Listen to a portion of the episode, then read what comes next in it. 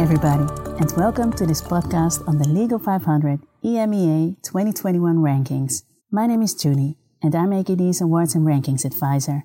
It is with great pleasure that I can announce that AKD has received a record number of rankings in the Benelux in this year's Legal 500 edition. Starting with the Legal 500 Hall of Fame, Hako van der Hoeven van Oort for Transport and Jos van der Velde for Environment and Planning. Both individuals are ranked because of the constant praise received from their clients for continued excellence.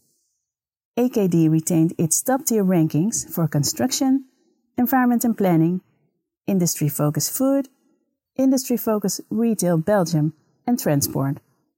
New this year are well deserved rankings for our healthcare and life sciences team and our Luxembourg tax team. Of the 23 practice areas recognized by the Legal 500 in Belgium, the Netherlands, and Luxembourg, I would like to highlight our dispute resolution, energy, and project finance and PFI teams, which have all risen from Tier 3 to Tier 2. We are very proud of our lawyers who received special mentions 10 leading individuals, 4 next generation partners, and 3 rising stars, to which Sannes Winkels is the latest addition. No fewer than 65 of our lawyers are recommended by the Legal 500. For 33 years, the Legal 500 has been analyzing the capabilities of law firms across the world with a comprehensive research program, revised and updated every year to bring the most up to date vision of the global legal market. The Legal 500 assesses the strengths of law firms in over 150 jurisdictions.